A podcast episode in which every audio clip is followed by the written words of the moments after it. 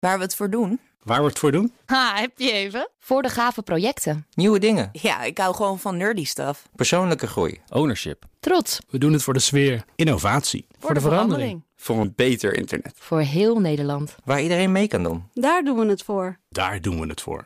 Waar doe jij het voor? Kom werken voor KPN en groei op jouw manier. Check de actuele vacatures op het gebied van data, security, development en networking op jobs.kpn.com/tech. Wetenschap vandaag. Ik heb begrepen dat dit een uniek instrument is waar we nu bij staan. Uh, ja, dat klopt. Uh, Verstopt uh, op de campus in Utrecht. Ja, in het meest noordwestelijke uithoekje van, van de Uithof inderdaad. Ja. staan we hier bij de metronoom. En die heet de metronoom omdat die periodiek kantelt. Dus binnen 40 seconden gaat die op en neer. En uh, dat maakt het uh, een unieke apparaat. Als enige in de wereld is dit een apparaat. Het is eigenlijk een hele grote zandbak van 20 bij 3 meter. Ja, ik wou net zeggen, ja. want als mensen metronoom horen, denken ze misschien aan zo'n dingetje wat op de piano staat. Zo'n tikapparaat, ja. ja. Maar dit is gigantisch. Nee, daar is hij, daar is hij inderdaad wel op gebaseerd. Ja. Uh, want eigenlijk al sinds de 19e eeuw uh, proberen wetenschappers uh, riviermondingen of estuaria na te bootsen met ook het effect van getijdes. Want ja. als je normaal stroomt de rivier één richting uit, maar in het estuarium, in het intergetijdengebied, krijg je bij hoogtij, bij vloed, krijg je ook een stroming landinwaarts, wat weer van het land afgaat als het eb is. En uh, dat proberen ze dus al sinds de 19e eeuw na te bootsen met een hogere en lagere zeespiegel. Uh, maar dat valt eigenlijk niet uit te schalen naar de werkelijkheid, omdat de energie van het water gewoon te weinig is. Oké. Okay. Dus de metronoom die is dus gebaseerd op inderdaad zo'n tikapparaat. Uh, en in plaats van alleen de zeespiegel op en laag doen, uh, kantelt de hele zandbak ook mee. En dat geeft net het beetje energie. Uh, wat er dus voor zorgt dat de stroomgeulen binnen zo'n estuarium zich blijven ontwikkelen. Net als de zandbanken. En dat je dus uh, hele mooie dynamische systemen krijgt met twee richtingen stroming uit. Uh, de ene richting landinwaarts tijdens vloed en landafwaarts tijdens eb. Veel realistischer dus? Veel realistischer, ja. ja. En uh, dat is ook heel mooi, want we zien hier dus op kleine schaal. Ja, we kunnen wel even wat dichterbij gaan uh, staan. Dan kunnen we het er ook in. Ja. Het is echt. Hoe groot is deze bak? Uh, hij is dus 20 meter bij 3 meter. En ja. er zit 12 kubieke meter zand in. Een dikke laag zand. Een, een flinke laag zand. Ja. ja. Dus om dit er allemaal in en uit te krijgen, daar ben je wel een, een paar dagen ook met flinke fysieke arbeid bezig. Dat moet jij ook gewoon doen. Ja, dat hoort er ook bij. Ja. Maar dat is hartstikke leuk. Dat, uh, de wetenschap kan soms ook gewoon uh, lekker uh, duidelijk schepwerk zijn. Hands-on. Hands-on, precies. Ja, dat, dat vind ik alleen maar leuk. Dat die, dat die variëteit er ook in zit. En er hangen hier allemaal camera's en sensoren en laserscannen. En daar kunnen we dus precies zien wat er gebeurt tussen die getijdencycli. En uh, een getijde is dus, uh, het apparaat gaat op en neer binnen 40 seconden. Dus binnen 40 seconden tijd uh, krijg je eb en vloed. Wat natuurlijk een halve dag normaal gesproken ja, duurt. dus je versnelt het proces ook nog ja, eens. We kunnen hier een, een riviermonding duizend keer zo snel simuleren als in de werkelijkheid. Ja, en ik kan me ook voorstellen dat je nog kan spelen met de vorm van zo'n rivier, de breedte, de hoeveelheid water die er doorheen gaat, de ondergrond. Zeker, ja. Daar zijn we, daar zijn eigenlijk al, dit apparaat draait al sinds 2015. Ja. En daar zijn al uh, continu uh, van dit soort experimenten gaande met hoe breed maken we de gul, hoe diep houden we de gul. er zijn ook experimenten met planten erin geweest. En wat doen die planten? Wat voor een effect hebben die? wat is het verschil met het soort zand wat je gebruikt? Of als je nog lichter materiaal gebruikt, hoe uh, verplaatst zich dat dan? Wat uh, gebeurt als je de zeespiegel verhoogt of als je de zeespiegel tijdelijk verhoogt? En daar zit natuurlijk ook een enorme relevantie in. Zeker, is heel met, actueel. Uh, beeld op de toekomst. En als je bijvoorbeeld kijkt naar een, een, echt groot estuarium als de Westerschelde, dat is een enorm belangrijke toevoershaven voor de haven van Antwerpen. daar wordt heel veel in gebaggerd ook. En in zo'n labopstelling kunnen wij dus ook heel specifiek baggeren en kijken wat is dat nou voor een effect op de vorming van zo'n estuarium.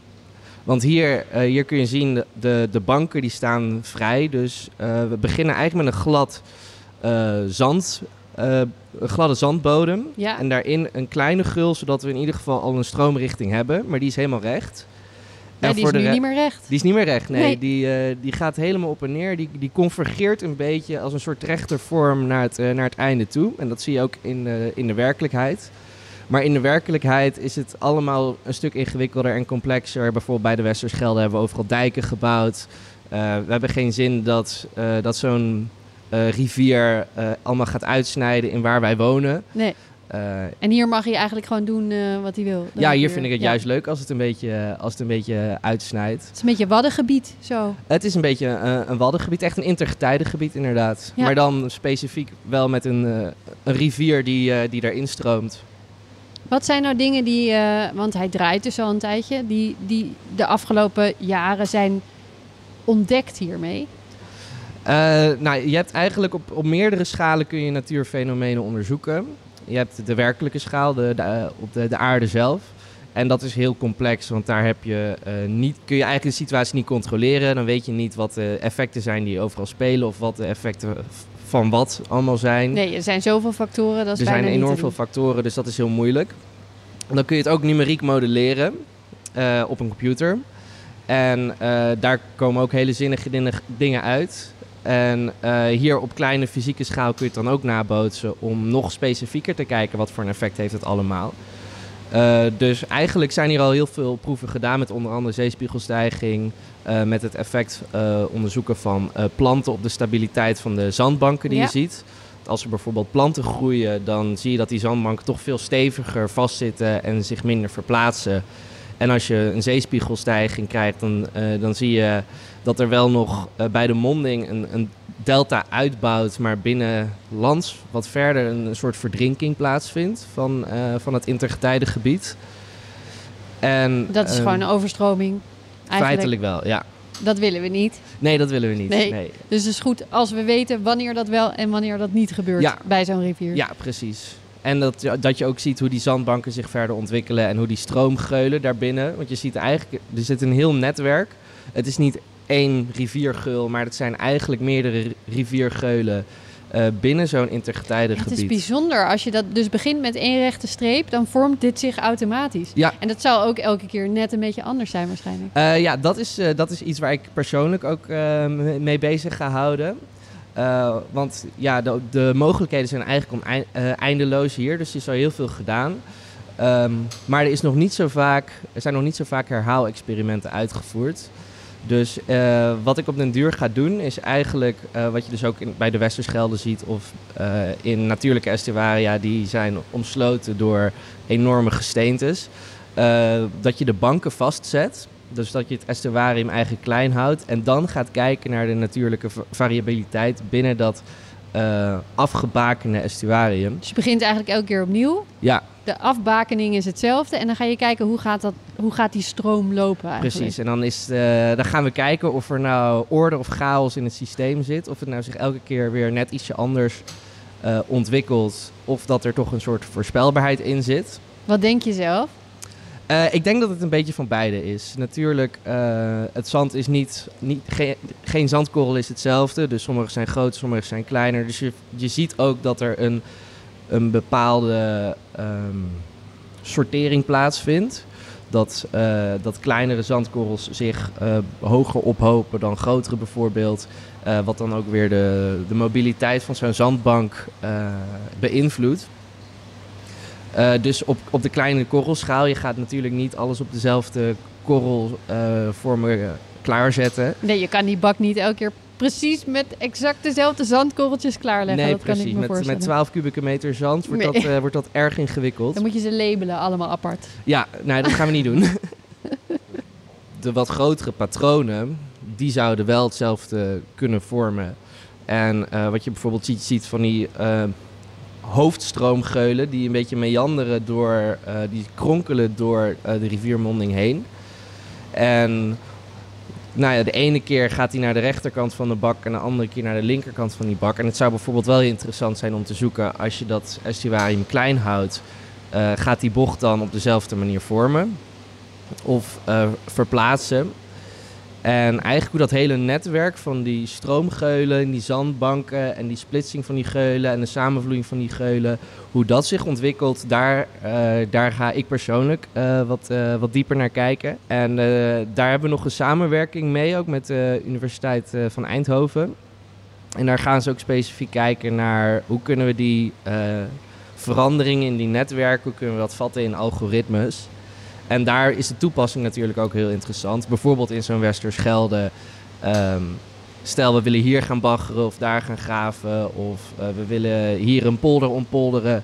Wat voor een effect heeft dat op het hele systeem? Kunnen en, we dat... en als de zeespiegel stijgt, wat is dan het effect? Precies, ja. ja. Um, wat voor een effect heeft dat op het systeem en hoe modelleren we dat? En wat voor voorspellingen kunnen we aan die hand doen? En ook aan de hand daarvan misschien uh, specifieker, uh, locatiegerichter uh, kijken voor oplossingen voor de, voor de problemen die er spelen. Ja, ontzettend interessant. Heel interessant. Ik vind het hartstikke leuk. Het is ook ja, het is een enorme zandbak waar je dan als wetenschapper een beetje in mag, spelen. ja, ja.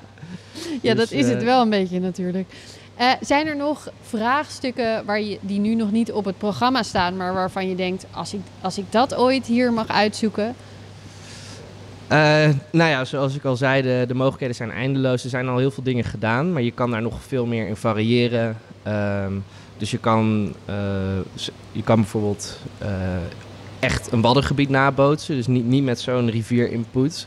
En dan kijken wat een, een, zeespiegelstijging is. Of wat misschien interessant is om juist de bodemdaling toe te passen. Een lokale bodemdaling. Zoals je bijvoorbeeld in Groningen kan verwachten met, met de gaswinning daar.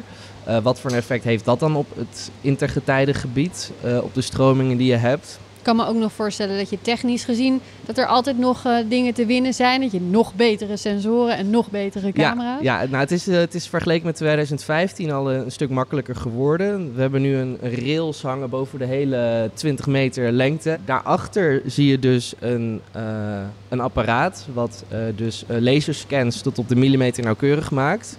En daar zit nog een nauwkeurige camera. En dan kun je dus voor bepaalde cycli kun je die, uh, die rails aanzetten.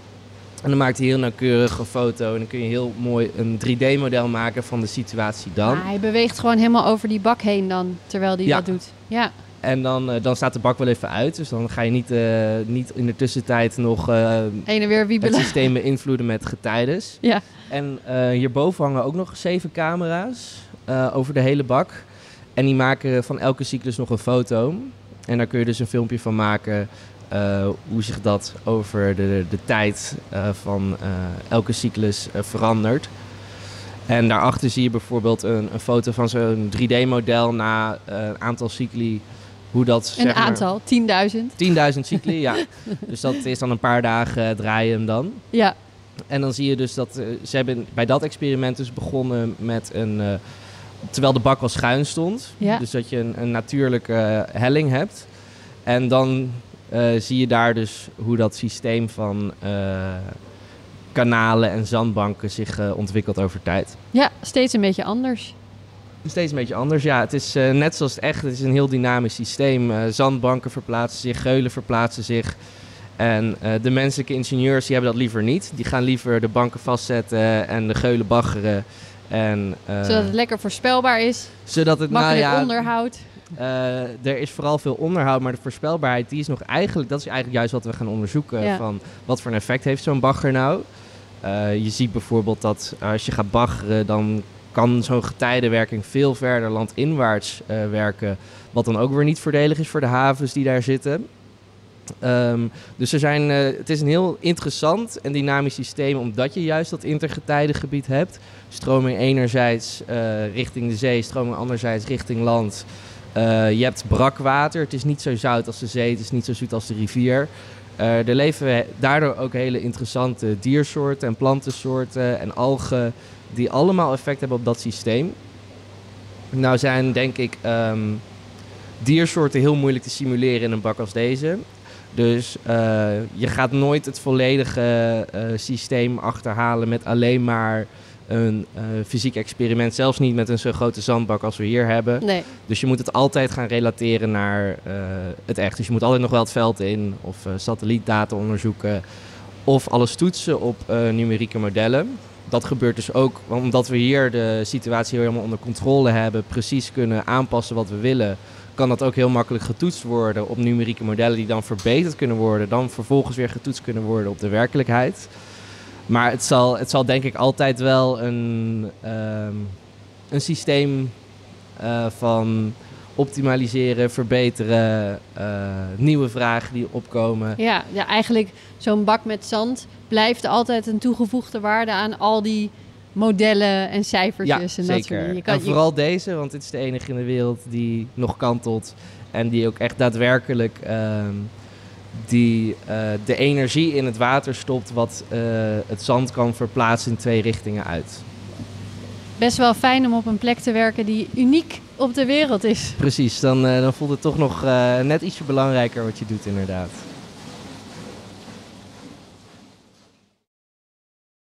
Ook Liesbeth Staats vind je in de BNR-app. Ja, heel handig. Luister live naar Kees en mij tijdens de Daily Move. Dan blijf je ook gelijk op de hoogte van breaking news en het laatste zakelijke nieuws. En daar vind je ook alle BNR-podcasts, waaronder de Perestrooikast. Download nu de gratis BNR-app en blijf scherp.